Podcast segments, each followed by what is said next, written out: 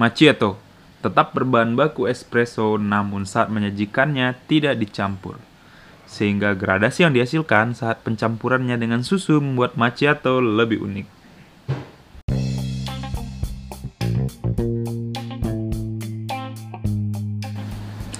Hai hai hai hai hai Kembali lagi di podcast Kopi Akhir Pekan Anjir, sampai lupa coba namanya apa Kopi Akhir Pekan Udah dua minggu absen.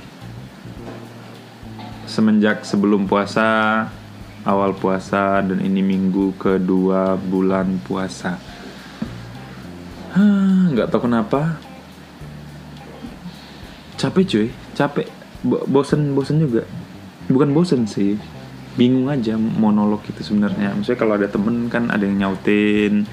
Kalau kurang lucu ada yang ketawa kalau nggak seru ada yang nimpalin. Ya umumnya yang host berdua dan apa apa berdua tuh fungsinya ya untuk rame-ramein. Kalau yang bertiga berarti yang berdua kurang rame kalau yang berempat berarti supaya rame banget kayak di satu TV host berempat coba ah, anjir rame banget di depan panggung. Oh ya ketemu lagi dengan gue Randy Alpuadi di at Randy Alpuadi 30 Hmm, bi kenapa sih gue bisa nggak ada tema? Sebenarnya bukan nggak ada tema, cuman udah ada temanya nih. Gue bakal bahas ini, gue bakal bahas ini. Cuman gue kebayangnya kalau sendiri dengan tema yang tunggal itu kayak obrolannya takutnya nggak bakal ke mana-mana. Makanya gue kayaknya harus coba uh, improvisasi lagi. Gue bikin lebih seru lah ngeklaim coba gue bikin yakin bisa bikin lebih seru. Tapi pastilah seru. Gue lo Randy. Pansiran udah dua minggu absen tiba-tiba ngeklaim diri sendiri keren. Tapi di bulan puasa seru sih guys. Uh, maksudnya gue alhamdulillah kan sering puasa Senin Kamis juga. Tapi pas di bulan Ramadan seru aja. Karena masuk jam 8 pagi. Yang harusnya biasanya gue masuk jam 9 pagi masuk jam 8 keluar jam setengah 5 yang harusnya kalau dari biasa gue keluar jam 6 sore. Jam setengah 5 udah bubar. Uh, happy nggak guys? Happy dong. Setengah 5 bubar. Tapi sampai kosan jam berapa guys? Tetap jam 6 dong. Tetap kayaknya berbuka di jalan. Kenapa sih? Jakarta macet banget. Bangsat. Eh, enggak enggak enggak ya tapi memang macet banget sih. Jadi Jakarta itu kalau sebelum berbuka dan eh sebelum berbuka jam setengah lima. Jam limaan lah paling paling ke, kelihatan deh. Kan gue di gedung lantai 10 tuh uh, pas gue udah lihat ke jalanan tuh anjir macetnya udah nggak ketulungan. Itu bener-bener gue rasa tuh bubaran kantor semua. Kan kalau kalau yang hari biasa tuh ada yang memang pulang jam setengah lima juga. Mungkin kayak kementerian maybe. Atau BUMN maybe. Ke bubaran emang jam setengah lima atau jam lima. Ada yang memang bubarannya jam 6 itu biasanya startup dan lain-lain. Tapi kalau sekarang umumnya bubarannya jadi bareng nih setengah lima. Karena yang eh, BUMN atau uh, government tadi uh, jam masuknya yang dimundurin jadi jam masuknya mungkin harusnya jam setengah jam 7 atau setengah 8 sekarang jadi jam setengah 9 gitu. Tapi pulangnya tetap setengah lima karena dari biasa sebenarnya mereka pulangnya tetap setengah lima. Jadi bubaran kantor itu macet parah. Kenapa sih bisa macet parah? Gue uh, jarak jarak dari hmm, kosan ya ke kantor itu paling ya sekitar uh, 2 kilo lah ya, bayangin aja pokoknya kalau gue pakai grab itu tambah promo gue cuma bayar seribu. Dan yang tadinya delapan ribu promo tujuh ribu jadi cuma bayar seribu. Uh, deket banget kan? Nah sekarang biarpun gue pakai mau pakai gokar atau eh pakai grab car atau pakai grab ride pun di kalau pula bubaran kantor itu umumnya yang harusnya gue bisa 10 menit. Sekarang tuh jadi 30 sampai 45 menit. Macet banget. Motor pun macet banget. Kenapa sih bisa macet? Ternyata pas gue lihat liatin ini bubaran kantor campur sama yang nyeri lagi nyeri cak takjil guys. Kan di sepanjang perjalanan gue pulang itu tebet ya. Kiri kanan ya kadang kiri aja kadang kanan aja. Itu pada jualan takjil semua gorengan eh kolak misalnya es kelapa dan lain-lain. Wah itu ya yang bikin macet ternyata. Misalnya yang naik motor pas beli takjil kagak turun dari motor kagak parkir. Jadi dia di kan ini yang jualan udah di pinggir jalan nih udah makan jalan. Dia pun akhirnya eh, nyamperin si tukang ininya pakai motor nggak tak ke turun pesan di situ. Jadi kayak numpuk nih. Ada mungkin ada kalau ada tiga motor yang lagi pesen ya dia numpuk di jualan itu tiga tiganya kan bangke. Maksudnya pantat motornya ke mana-mana tuh yang yang bikin yang bikin apa namanya? Yang bikin macet. Ya namanya mobil kan ngindarin pantat motor kan ya agak sedikit. Belokannya dijauhin guys. Belokan dijauhin yang akhirnya makan jalan yang sebelah kanan yang orang yang sebelah kanan akhirnya nunggu akhirnya macet. Dah ada itu dah tuh yang bikin makin itu. Yang lu paham kalau ada macet dikit motor yang dari belakang tuh langsung kayak ambil jalur kanan kanan kanan numpuk semua tuh di kanan. Di kiri numpuk di kanan numpuk padahal di di lawan arah hal yang sama terjadi juga. Macet macet parah macet total. Yang paling gila apa ya? Itu yang yang pakai mobil sempet sempetnya beli takjil kagak turun dari mobil. Dia pelan pelanin dekat dengan tukang takjil. Mbak, mbak gorengan sepuluh ribu. Ya mungkin dia takut nanti di tol nggak ada makanan ya. Tapi ya menurut gue sih sebelum kan dia dari kantor ya gue tahu dari kantor dari mana. Harusnya dibeli dulu sih beli apa kayak gitu. Jangan pas di mobil karena dia dia tahu kalau dia parkir nggak ada lawan parkir gue tahu. Tapi kalau dia pelan pelan gitu dan ya ada, ada pembayaran lagi ada proses simbahnya masukin gorengan mungkin. 5 detik. Kalau dia beli 10 10 detik lah satu gorengan. Eh, satu gorengan satu detik. Dia bungkus dia ikat dia kasih ke mobil. Si mobil bapaknya ngasih duit nanti duitnya 50 ribu kembalian 40 ribu dia balik lagi ngambil kembalian. Kan butuh waktu mungkin sekitar 5 sampai 10 menit lah kelihatannya sih singkat tapi 5 menit dia berhenti di jalan itu ke belakangnya ngaruh banget. Ke belakangnya lu bayangin itu bisa sampai sekitar satu kilometer ke belakang itu udah yang di belakangnya udah macet parah. Karena kalau lu paham itu eh, kayak efek gelombang. Jadi kalau lu celupin nih batu nih di tengah-tengah bak kan ada akan ada gelombang tuh. Gelombang yang paling jauh adalah gelombang yang paling besar. Berarti waktu yang yang dibutuhkan untuk gelombang eh, gelombang itu balik lagi itu lebih lama. Berarti bayangin 5 menit si bapak itu. Stop mungkin mempengaruhi eh, yang paling belakang mungkin sejarak satu kilometer itu mereka berhenti udah hampir setengah jam. Makanya itu yang gue rasa kayak yang di yang dari arah berlawanan udah ngamuk-ngamuk. Ini serakah banget ngambil jalan padahal bapaknya nggak pakai helm juga. Ya maksudnya eh, orang yang pakai motor sih yang sering ya lu paham kalau lu di Jakarta kayak macet dikit si motor pasti ambil jalur kanan. Padahal nih dua arah jalannya dua arah nih. Ya nanti ny- ny- ny- ny- nyelip ny- nyelip. Kesenggol spion kayak gitu-gitu sering terjadi di ber- berbuka puasa. Yang mem- membuat mereka lupa bahwa kayaknya mereka udah buka puasa duluan dengan marah-marah Terus banyak hiburan guys, banyak hiburan asli. Gue kalau naik gokar ya, gue pertama kali bulan puasa pulang kantor gue menaik gokar. Eh naik grab car, gue naik mobil. Di dalam mobil santai. Terus ya namanya macet ya. Titit titit, woi. Jalan-jalan titit, wis. Kan ngamuk ya, klaksonnya juga titit titit titit titit, wis gue kagak paham gue gagal paham kalau yang klaksonnya diganti deh itu anjir itu gue nggak tahu tujuannya apa ya orang lain kan titit titit titit ya dia nggak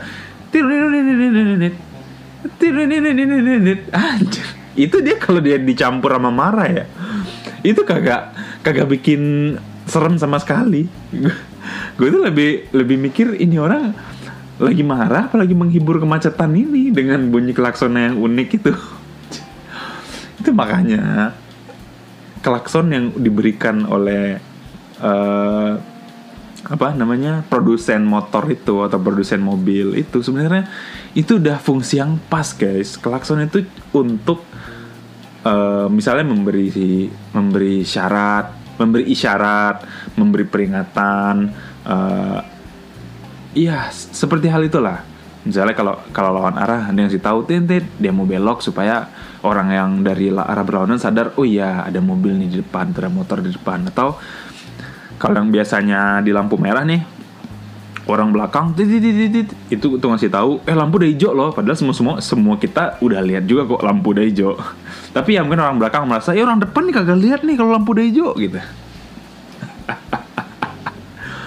Ya kayak gitulah serunya hidup di Jakarta ini.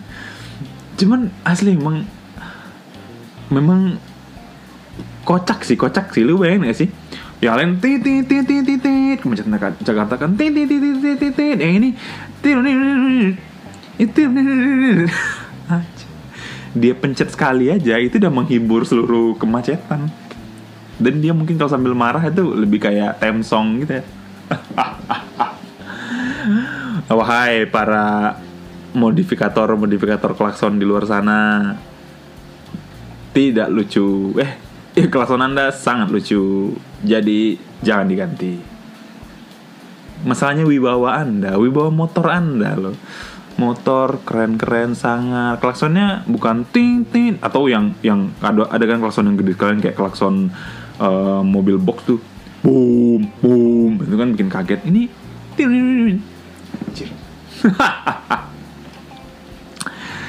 Tapi memang macet Jakarta cukup cukup seru, cukup. Uh, misalnya gue gue keseharian di Jakarta Selatan yang macet banget. Jam kerja, jam sibuk, jam weekend aja cukup sibuk. Maksudnya jam-jam yang yang sebenarnya eh waktu-waktu yang sebenarnya harusnya bisa sepi mungkin orang lagi santai itu tetap macet jadi kalau gue sih ada indikator gitu kalau daerah pancoran macet berarti Jakarta lagi macet banget gitu kalau pancoran lagi sepi daerah pancoran sepi berarti Jakarta lagi santai lagi ada mayem nah di di, di sepanjang perjalanan kan ada uh, ini kan Pak Ogahnya nih Pak Ogah. Jadi gue liatin Pak Ogah sebenarnya cukup ya kontroversi sih membantu juga. Membantu tapi membuat kemacetan lebih macet juga. Iya, karena umumnya Pak Ogah kan harusnya uh, letter U untuk perputaran uh, putar arah itu putar balik itu umumnya cuma satu arah. Misalnya kalau dari uh, dari arah utara nih, dia mau mau ke selatan, berarti dia putar arah dong. Nah, yang dari selatan menuju ke utara itu umumnya nggak uh, boleh. Jadi satu putaran itu cuma untuk satu arah gitu. Nah umumnya Pak Oga ini dua-duanya tetap biar uh, biarpun ada rambu-rambu di situ nggak boleh muter dia tetap uh, uh, apa buka buka inilah buka lapak lah untuk untuk bisa muterin mobil. Dan yang itu bikin macet pastinya. Yang memecahkan kemacetan di sisi lain bikin macet di sisi lainnya. Uh, ada obrolan juga sebenarnya mereka penghasilannya lumayan guys. Dan itu kayak uh, pernah sih lu sadar itu orangnya nggak uh, perasaan kemarin bukan ini gitu. Ternyata uh, ada ada ada penguasanya di satu putaran itu dipegang oleh si A misalnya.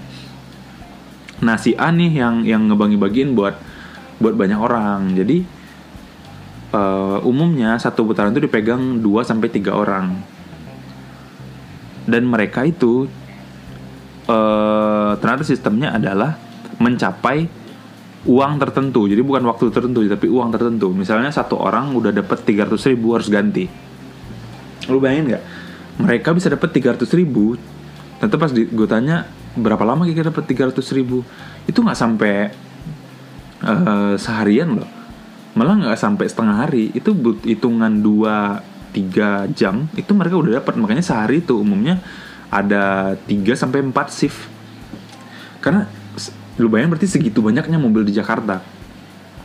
300 ribu satu orang dan mereka bertiga berarti satu juta selama 3 sampai 4 3 sampai 4 jam terjadi perputaran di situ. Berarti kalau dikali 1000 berarti ada 1000 mobil. Eh ya, yang kalau orang bayar 1000 ya umumnya orang bayar 1000 sih. Nggak ada yang bayar 500 lagi. 1000 berarti 1000 dari itu ada sekitar 1000 mobil yang putar balik di daerah itu. Hmm, Ya gak sih? Iya kan? Sejuta. Lo bayangin berarti anjir sebanyak itu Jakarta gimana macet? Aduh sorry. Aduh, gua kayaknya ini nih asam lambung gue naik lagi. Eh ya segitunya macet Jakarta. Dan eh, itu jadi lahan bener-bener lahan basah banget buat para para penguasa kecil ini. Penguasa kecil tuh maksud gue ya preman dan lain-lain itu yang yang eh, megang wilayah itu yang mungkin sehari juga bisa dapat eh, sejutaan juga dari setoran dari anak-anak. Itu itu gue rasa cukup menghidupi loh guys. Ya, lu, lu, eh, gue lihat kan juga masih lu pernah lihat kan bocah-bocah juga. Ya bapak-bapak jarang juga lah bapak-bapak. Bocah-bocah sehari 300 ribu lu bayangin 300 ribu kalau dia dapat kesempatan tiap hari aja di situ dia bisa dapat ah 300 ribu kali 39 juta. Itu 9 juta loh tapi tapi sih umumnya ya eh, pasti eh, karena anak-anaknya juga banyak. Jadi maksudnya yang yang yang lu pernah gak sih kebayang eh, lihat yang yang di lagi bantu putaran ada tiga orang tapi yang lagi nongkrong di pinggir jalannya sekitar ada sekitar 10 orang lagi yang udah siap-siap harus ngegantiin. Lah bayangin berarti besok belum tentu eh, 10 orang itu karena si yang punya lahan harus adil juga kan. Kalau lu udah dapet ya udah bagi-bagi buat yang lain. Makanya umumnya mungkin ada yang eh, berantem dan lain-lain itu karena eh, dia belum dapat sesuai atau dia udah kelebihan nih dapatnya tapi gue sih pernah sekali ya hmm, ngedapet ngeda- ngedapetin bahwa eh, ada eh, mereka diatur nih beberapa kali oleh Pamong Praja. Ya oleh sebuah instansi un- eh, Pamong Praja untuk nggak melakukan eh, Pak Oga di situ. Ya namanya aja Pak Oga kalau salah memang Pak Oga ya namanya. Jadi Pamong Praja nih eh, melakukan penertiban lah. Eh, di situ dan di kayak di diusir-usirin lah. Dan karena memang macet juga akhirnya Pak Ogahnya ngebantuin nih. Ya masih Pamongnya ngebantuin putaran nih. Maksud gue kayak hmm, oke in eh, kalau secara kota mungkin atau secara hukum ini nggak legal nih nggak legal nih si, si yang dilakukan anak ini. Oke gue gue setuju nih bagian yang itu. Si Pamong mungkin harus nertibin biarpun mungkin dia nggak tertibinnya bukan tiap hari juga tergantung mood atau tergantung atasan lah atau tergantung setoran. Ups. Eh, tapi sih yang yang bikin kocak ya gue pernah lihat sekali jadi si Pamong Praja nih. Dia nggak tertibin kan? Tertibin nih. Terus dia ses, eh, enggak enggak enggak serius juga ngebantu putaran orang. Ya setengah-setengah hati lah. Ya yang penting orang lewat orang lewat. Tapi dia juga ngebantu mobil yang lawan arah tadi. Maksudnya yang mobil yang nggak boleh putaran di situ dia dibantu juga muter di situ. Gue jadi mikir kocak sini Pamong Praja. Lebih ke Pak Ogah yang udah digaji negara aja maksud gue kayak kalau memang lu juga akan melakukan hal yang sama dan malah nggak ngeban ah, mas- malah tidak dengan passion atau dengan kok passion sih? Eh, malah tidak dengan hati yang serius untuk bekerja di situ ya ngapain di situ gitu ngapain diusir anak-anaknya? Ya udah biarin anak-anak eh, biarin Pak Oga itu aja yang ngerjain gitu. Masalah dia dapat duit apa enggak ya itu kan urusan yang punya mobil gitu loh. Yang punya kendaraan. Kalau ternyata lu juga ke situ mungkin sejam dua jam mentengin supaya anak-anak Pak Oga itu enggak di situ untuk pertama memenuhi tugas. Oke checklist memenuhi tugas. Kedua me- me- apa menjaga ketertiban checklist. Tapi ketiga membantu eh, arus enggak juga gitu loh. Ma- ma- malah ma- malah bikin macet juga gitu kalau kalau memang lu kalau memang mau ngusir ya udah usir aja gitu. Bisa usir terus liatin supaya nggak ada lagi bogar situ ya udah. Nggak usah bantu nggak usah bantu si si mobil ini putar arah karena sebenarnya kalau ditarik lagi karena kan dia bayar anggap nih karena kan mereka dibayar. Atau pas kalau mereka nggak bayar mereka melakukan tindak kriminal mungkin ya. Ke si mobil gitu. Dengan ada dulu tuh ceritanya kan dia dapat duit tuh duitnya digores ke mobilnya gitu. Kan umumnya gak kerasa sama si mobil. Nanti pas dia sampai rumah lo kok ada baret panjang? gitu. Cuman gue rasa itu adalah kelamnya lah. Tapi kalau bagian pengaturan lalu lintasnya itu gue sih kebayangnya kalau emang pamong mau usir usir aja gitu usir tok pergi udah. Tuh karena ya itu adalah bagian kelamnya Jakarta. Bukan kelam ya maksudnya itu adalah bagian dari ya gimana orang Jakarta nyari hidup gitu loh. Kalau ada yang nggak setuju dengan gue kan harusnya tertipan ya bodo amat. Ya mungkin lu protes karena lu udah ada kerja aja. Cuman hmm, unik ya mau unik. Maksudnya ya dia ngusir Pak Ogahnya dia malah ngegantiin kerjaan Pak Ogahnya tapi tetap melakukan uh, pelanggarannya yaitu ngebiarin mobil yang yang harusnya nggak boleh lewat situ lewat situ. Kocak juga. Dapat duit apa enggak? Eh nggak tahu gua. Uh, ya banyak sih kejadian kejadian seru-seru yang gue alami. Uh, selama belum puasa juga pasti banyak ini juga ya penceramah gitu. Uh, tapi beda uh, ada ceramah ada khotbah kalau penceramah itu biasanya kalau uh, kultum di masjid tuh sebelum sholat maghrib bisa eh sebelum sholat isya ba'da so, uh, ba'da maghrib sebelum sholat isya itu biasanya itu ada kuliah apa ada penceramah atau pas tarawih sebelum tarawih. Kalau tempat gue kebetulan di musola uh, deket uh, kosan itu nggak ada penceramah. Tapi abis isa langsung kita tarawih cuman 23 rakaat. Dan ini 23 rakaat yang cukup lama ya guys. Nggak yang kayak di yang lagi viral di uh, internet itu yang 23 rakaat 7 menit. Gila sih. Tapi kita fokus ke penceramah nih, penceramah sama pengkhotbah.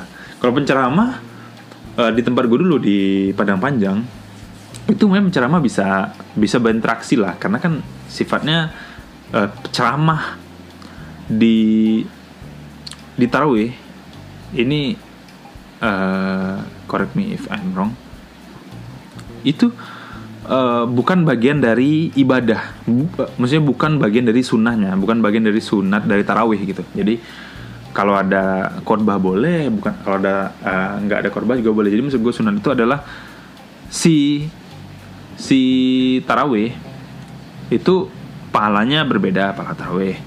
Kalau yang kita dengar khutbah itu pahala pahala khutbah. Jadi mereka digabung. Jadi kalau nggak ada khutbah tidak mengurangi pahala tarawih gitu. Beda sama khutbah yang lakukan khutbah Jumat khotbah Jumat itu khotbahnya itu bagian dari uh, ritual ibadah Jumatnya gitu. Jadi uh, khotbah Jumat kan ada dua tuh. Setelah khotbah Jumat ada dua, setelah itu ada khotbah ada sholat Jumatnya dua dua rakaat. Uh, itu bagian yang gue rasa menjadikan sholat zuhur yang jadi empat rakaat. Jadi uh, dua rakaat sholat dua khutbah. Nah itu satu rangkaian guys. Jadi kalau kalau nggak ikut khutbah itu sholatnya sholat jumatnya jadi nggak sah uh, jadi harus ada khutbah jumatnya supaya jadi satu kesatuan ibadah jumat. Makanya khutbah umumnya uh, ya kayak kayak harus gimana sholat gitu. Khusyuk dengerin nggak boleh ngobrol kiri kanan. Nggak boleh ada kegiatan lah. Itu namanya uh, itu yang itu kalau kita ngobrol kiri kanan tuh merusak pahala uh, ibadahnya. Nah mungkin nggak tahu ya. Coba kita tarik lagi. Jauh sebelum sebelum ya masih para kita masih bocah-bocah lah. Uh, kita tuh sering didikte ini Budi terus anak-anak ngulangin ini Budi. Uh, Budi pergi ke pasar. Jangan Budi dengan ibu ini ibu Budi pasti gitu dulu. Ini Budi ini ibu Budi lalu i- ibu Budi dan i, Budi dan ibu Budi ke pasar. Tapi bukan itunya guys. Di bagian diktenya jadi dulu itu kita sering eh, kita waktu kecil tuh belajar caranya di dikte terus supaya di diktenya itu perkata dan cara nangkapnya lancar biasanya ada imbuan-imbuan yang di belakang atau di awal itu selalu di guru itu kayak berharap eh bukan berharap guru itu membuat sebuah eh, apa yang istilahnya kegiatan apa apa sebuah ucapan yang membuat anak-anaknya nyautin nah gitu. Jadi kayak misalnya ibu Budi pergi ke pasar gitu. Jadi anak-anaknya nangkep tuh oh bahwa ada kata-kata pa ada kata-kata sar pasar. Kita harus rajin belajar gitu kayak gitu gitu ya. Ya umumnya abis si gurunya belajar di disautin tuh sama semua orang gitu. Nah gue nggak gue sih pahami gini ya para uh, ustadz ustadz pengkhotbah Jumat beberapa mungkin masih uh, mungkin bukan beberapa masih beberapa itu juga guru di sekolah atau mungkin dosen di kan di kampus. Yang membuat uh, beliau membawa uh, bukan membawa udah terbawa dengan cara-cara dia mendikte tadi. Mungkin dari dulu dia kecil dan pas dia udah ngajar pun dia melakukan hal yang sama. Jadi gue kadang-kadang agak aneh kalau bukan aneh ya agak bingung juga kalau kalau para ustadz tuh kayak kita harus uh, membayar zakat dan mendirikan so sholat. Jadi uh, eh ya pokoknya kita harus dirikan sholat dan membayar za zakat. Jadi maksud gue tuh kayak pas dia bagian kita harus bayar za gue tuh langsung uh, mau responnya kayak ah, ini harus gue jawab apa gimana ya maksudnya itu bukan di situasi yang bisa melakukan itu gitu loh. Jadi agak gimana gitu kalau misalnya uh, Ustadz ini lagi khotbah Jumat. Itu melakukan itu karena kalau gue pernah um, kalau gue ceramah uh, gue dengar ceramah beberapa ceramah harian di terawih atau di ceramah harian di ceramah mingguan di masjid umumnya ada yang kayak gitu dan ibunya ibu-ibu nih nyautin. Ibu-ibu harus rajin membayar apa mendirikan sholat Ustaz nah gitu ya. Jadi disautin. Tapi kalau khotbah Jumat nggak bisa disautin bos. Kagak bisa disautin karena kagak boleh disautin. Dan tapi kalau para ustadz itu melakukan gestur itu gue jadi kayak terpanggil untuk nyautin tapi kagak boleh. Bagaimana ya?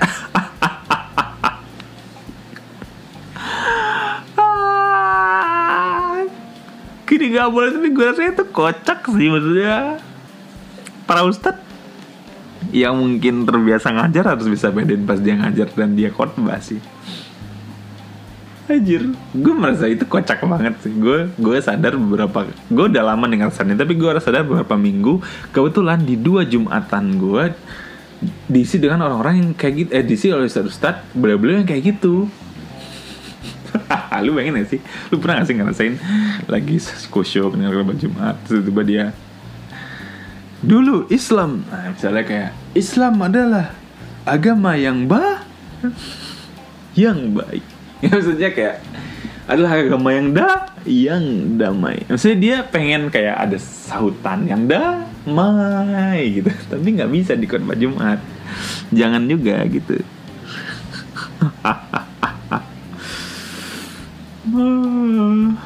Tapi mudah-mudahan nggak hmm, terulang lagi lah ya. Karena gue rasa uh, guru-guru sekarang nggak ada yang kayak gitu lagi kayaknya itu guru-guru kayak dulu aja. Guru-guru zaman old lah. Fungsinya buat apa? Mungkin turun temurun dari dulu juga. Tapi gue rasa fungsinya adalah untuk melatih respon si anak terhadap kosakata. Banyak yang seru sih sebelum puasa ini. Banyak promo juga pastinya. Promo GoFood pasti waduh gue gue buka puasa umumnya makan makanan yang di musola. Anjir musola gue banyak banget makanannya. Emang gorengan semua sih. Tapi banyak banget. Gue jadi kayak pas kalau gue beli takjil atau gue beli gorengan di luar tuh kayak sayang banget. Pas gue misalnya nih gue kan uh, buka pasti sama kurma. Dan habis itu gue makan uh, gue beli gorengan satu bag gorengan baru gue ke masjid. Ke musola. Pas gue ke musola Maksud makanannya banyak banget, banyak banget. Ada es kelapanya, ada tehnya, ada yang manis-manisnya, misalnya kayak goreng pisang, eh apa? Yang manis-manis tuh kayak kue kue bolu, kue pukis. Ada tempe goreng, ada bakwan, ada goreng pisang, ada lepet. Banyak, banyak. Gue gue kayak ini kalau gue nongkrong abis maghrib, gue nongkrong bentar di musola aja tuh gue nggak perlu makan. Kayak gue nggak perlu makan guys. Kenyang. Cuman ya eh, limited edition. Eh, ya kadang banyak, kadang kadang dikit. Jadi ng- nggak bisa digantung juga hidup gue sebulan dari takjil musola. Cuman ya seru sih belum mulai di situ. Ada kalau kalau mau sahur ada Grab, ada Grab Food, ada GoFood juga. Banyak promo. Promonya kadang-kadang nggak masuk akal. Kayak gitu ya anjir startup eh, bertarung ini. Cuman ini gue nggak tahu ya. eh, Grab agak beda banget sih sama sama Gojek. Gue sekarang pengguna Grab eh, aktif sih, full full gue pakai Grab. Eh, Grab. Tapi kalau eh, Gojek gue pakainya GoFood. Mulai dulu dari Grab nih. Grab itu eh tarifnya kocak sih guys, tarifnya kocak. Jadi gue pasti tahu eh, mereka punya algoritma yang kayaknya kalau jam-jam sibuk harganya jadi melonjak drastis. Tapi kalau kita sabar sedikit aja menunggu jam itu habis, kita itu murahnya murah banget. Tapi pas kalau lagi eh, high demand itu mahalnya mahal banget. Ini aja gue kalau grab car ke kosan 6000 lu bayangin 6000 grab car tapi kalau lagi high demand lagi mas eh, jam-jam sibuk lu tau gak berapa? 40 ribu. 10 hampir 10 kali lipat 40 ribu. Lu bayangin 40 ribu dari 6 ribu ke 40 ribu. Malah sempat ke 60 ribu 50 ribu 60 ribu. Itu tergantung jamnya jam kalau jam 6 banget tuh oh itu kan macet-macetnya tuh. Lagi banyak orang pulang bubaran kantor juga. Wah itu bener-bener mahal banget jam setengah lima bubaran kantor juga gitu. Mahal banget. Tapi kalau kita sabar nunggu nih jam 5 lewat sedikit 15 menit lah dari jam 5 itu kadang-kadang sekali balik lagi ke tarif awal. 7 ribu 6 ribu 8 ribu gitu. Malah kalau habis berbuka sekarang kan kebiasaannya kalau jam 6 itu kalau hari biasa jam 6 itu adalah high demand. Kalau sekarang jam 6 karena udah beres buka puasa jadi jadi eh, nggak high demand lagi. Tapi mungkin eh, drivernya sedikit karena lagi buka puasa. Cuman di jam-jam itu balik lagi guys ke 6000 itu ya tergantung pilihan lu sih mau bayar mahal cepet sampai kosan tapi macet eh apa? Bayar mahal eh, nyampe kosan lama gara-gara macet. Tapi mungkin kemungkinan bisa buka di rumah atau sekalian nunggu maghrib. Sekalian nunggu buka di kantor baru pulang pakai grab atau pakai gojek. Yang tarifnya pasti murah karena udah eh, low demand. Eh, tapi promo sih promo promo gila sih. Lo bayangin nggak sih? Iya, seribu gue kadang kepikiran anjir nih eh gue bayar seribu loh untuk untuk driver. Tapi memang driver bakal dibayar full oleh perusahaan. Tapi perusahaannya nombok sebanyak itu. Gila sih. Nah yang paling unik gue gue nggak tahu tapi kayak kayaknya perbedaan antara GoFood, eh, GoFood dan GrabFood adalah di bagaimana perusahaan tersebut memperlakukan promo. Kayaknya eh, GoFood udah kan kamu udah lama ya GoFood udah gede duluan nih di Indonesia. GrabFood baru baru baru baru banget. Jadi GoFood itu kalau ada promo, misalnya promo eh, anggap deket gua ini ada eh, promo yang sering itu BK BK Burger King promo. 50.000 ayamnya 5 itu kalau kita pergi langsung ke BK-nya itu memang 50.000 ayamnya 5 jadi BK-nya sendiri ada promonya. Atau kalau BK-nya nggak ada promo gara kita bayar pakai GoPay ada promo 15% jadi kita bayar ke ke si merchantnya diskon 15% mungkin si perusahaannya si perusahaan GoPay-nya mungkin bayar ke merchant full. Gue rasa gitu ya. Jadi permainannya adalah di situ. Mungkin nih tapi bisa jadi juga enggak. Kasih bisa juga si merchantnya memang kalau pakai GoPay lu diskon gitu. Tapi si Grab ngebayar eh, si si bukan Grab eh, si GoFood GoFood nih ya, kita bahas GoFood dulu ya GoFood ngebayar si merchant ya sesuai uh, diskon tadi gitu. Kecuali cashback, cashback biasanya uh, kita bayar si merchantnya 50 ribu, mungkin cashback 10%, si Gojeknya bayar kita 5 ribu cashback. Tapi GrabFood gila sih, GrabFood gila. Jadi GrabFood ini umumnya sekarang diskon 50% dengan maksimal 30 ribu. Jadi kalau lu uh, belanja 60 ribu, barulah cashbacknya 30 ribu. Tapi kalau lu di bawah itu ya, kalau lu belanja belanja 50 ribu cashbacknya 25 ribu. Eh diskonnya 25 ribu. Uh, kalau lu tapi kalau lu belanja 70 ribu diskonnya cuma 30 ribu. Nah yang unik dari GrabFood adalah uh, kita nih misalnya gue nih pesen KFC KFC itu harusnya uh, 70 ribu tapi gara-gara gue pakai GrabFood di diskon lah uh, jadi 40 ribu. Kan datang nih driver ke sana. Nah driver kalau GrabFood setahu gue eh kalau GoFood setahu gue si si ininya pakai pakai cash tapi go uh, seseharga yang dituliskan. Misalnya kita diskon pakai GoPay kita diskon dari 30 ribu dari 50 dari 70 ribu jadi 30 ribu misalnya di Go di GoFood. Si driver ngebayar si merchant itu tetap 30 ribu gitu. Setahu gue ya. Kecuali cashback tadi cashback karena si yang harus punya handphone yang harus ke sana gitu. Tapi GrabFood gila men.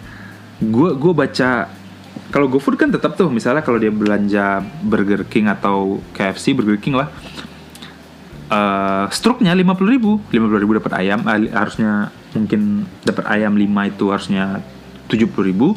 Tapi dengan kita ada promo Go uh, GoFood jadi 50 ribu. Struknya 50 ribu juga tulisannya. Berarti si driver bayar 50 ribu dong. Sekarang GrabFood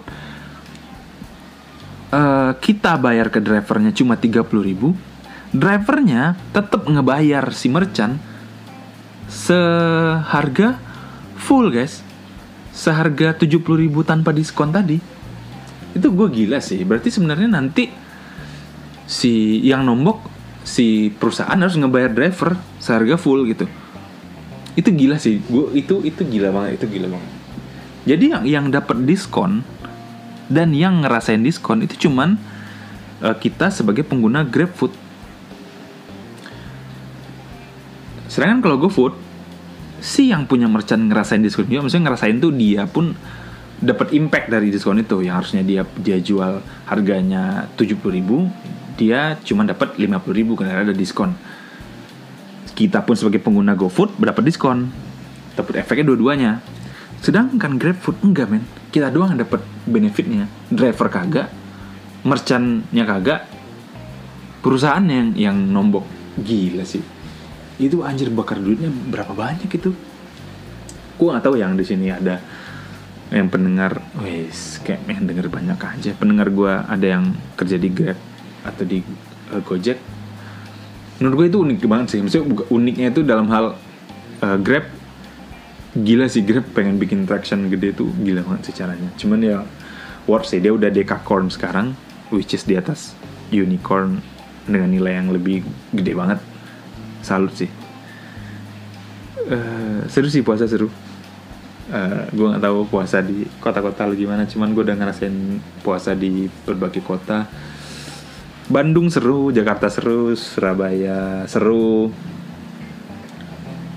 Padang Panjang pasti seru Padang seru juga. Semua seru sih kalau udah bulan puasa.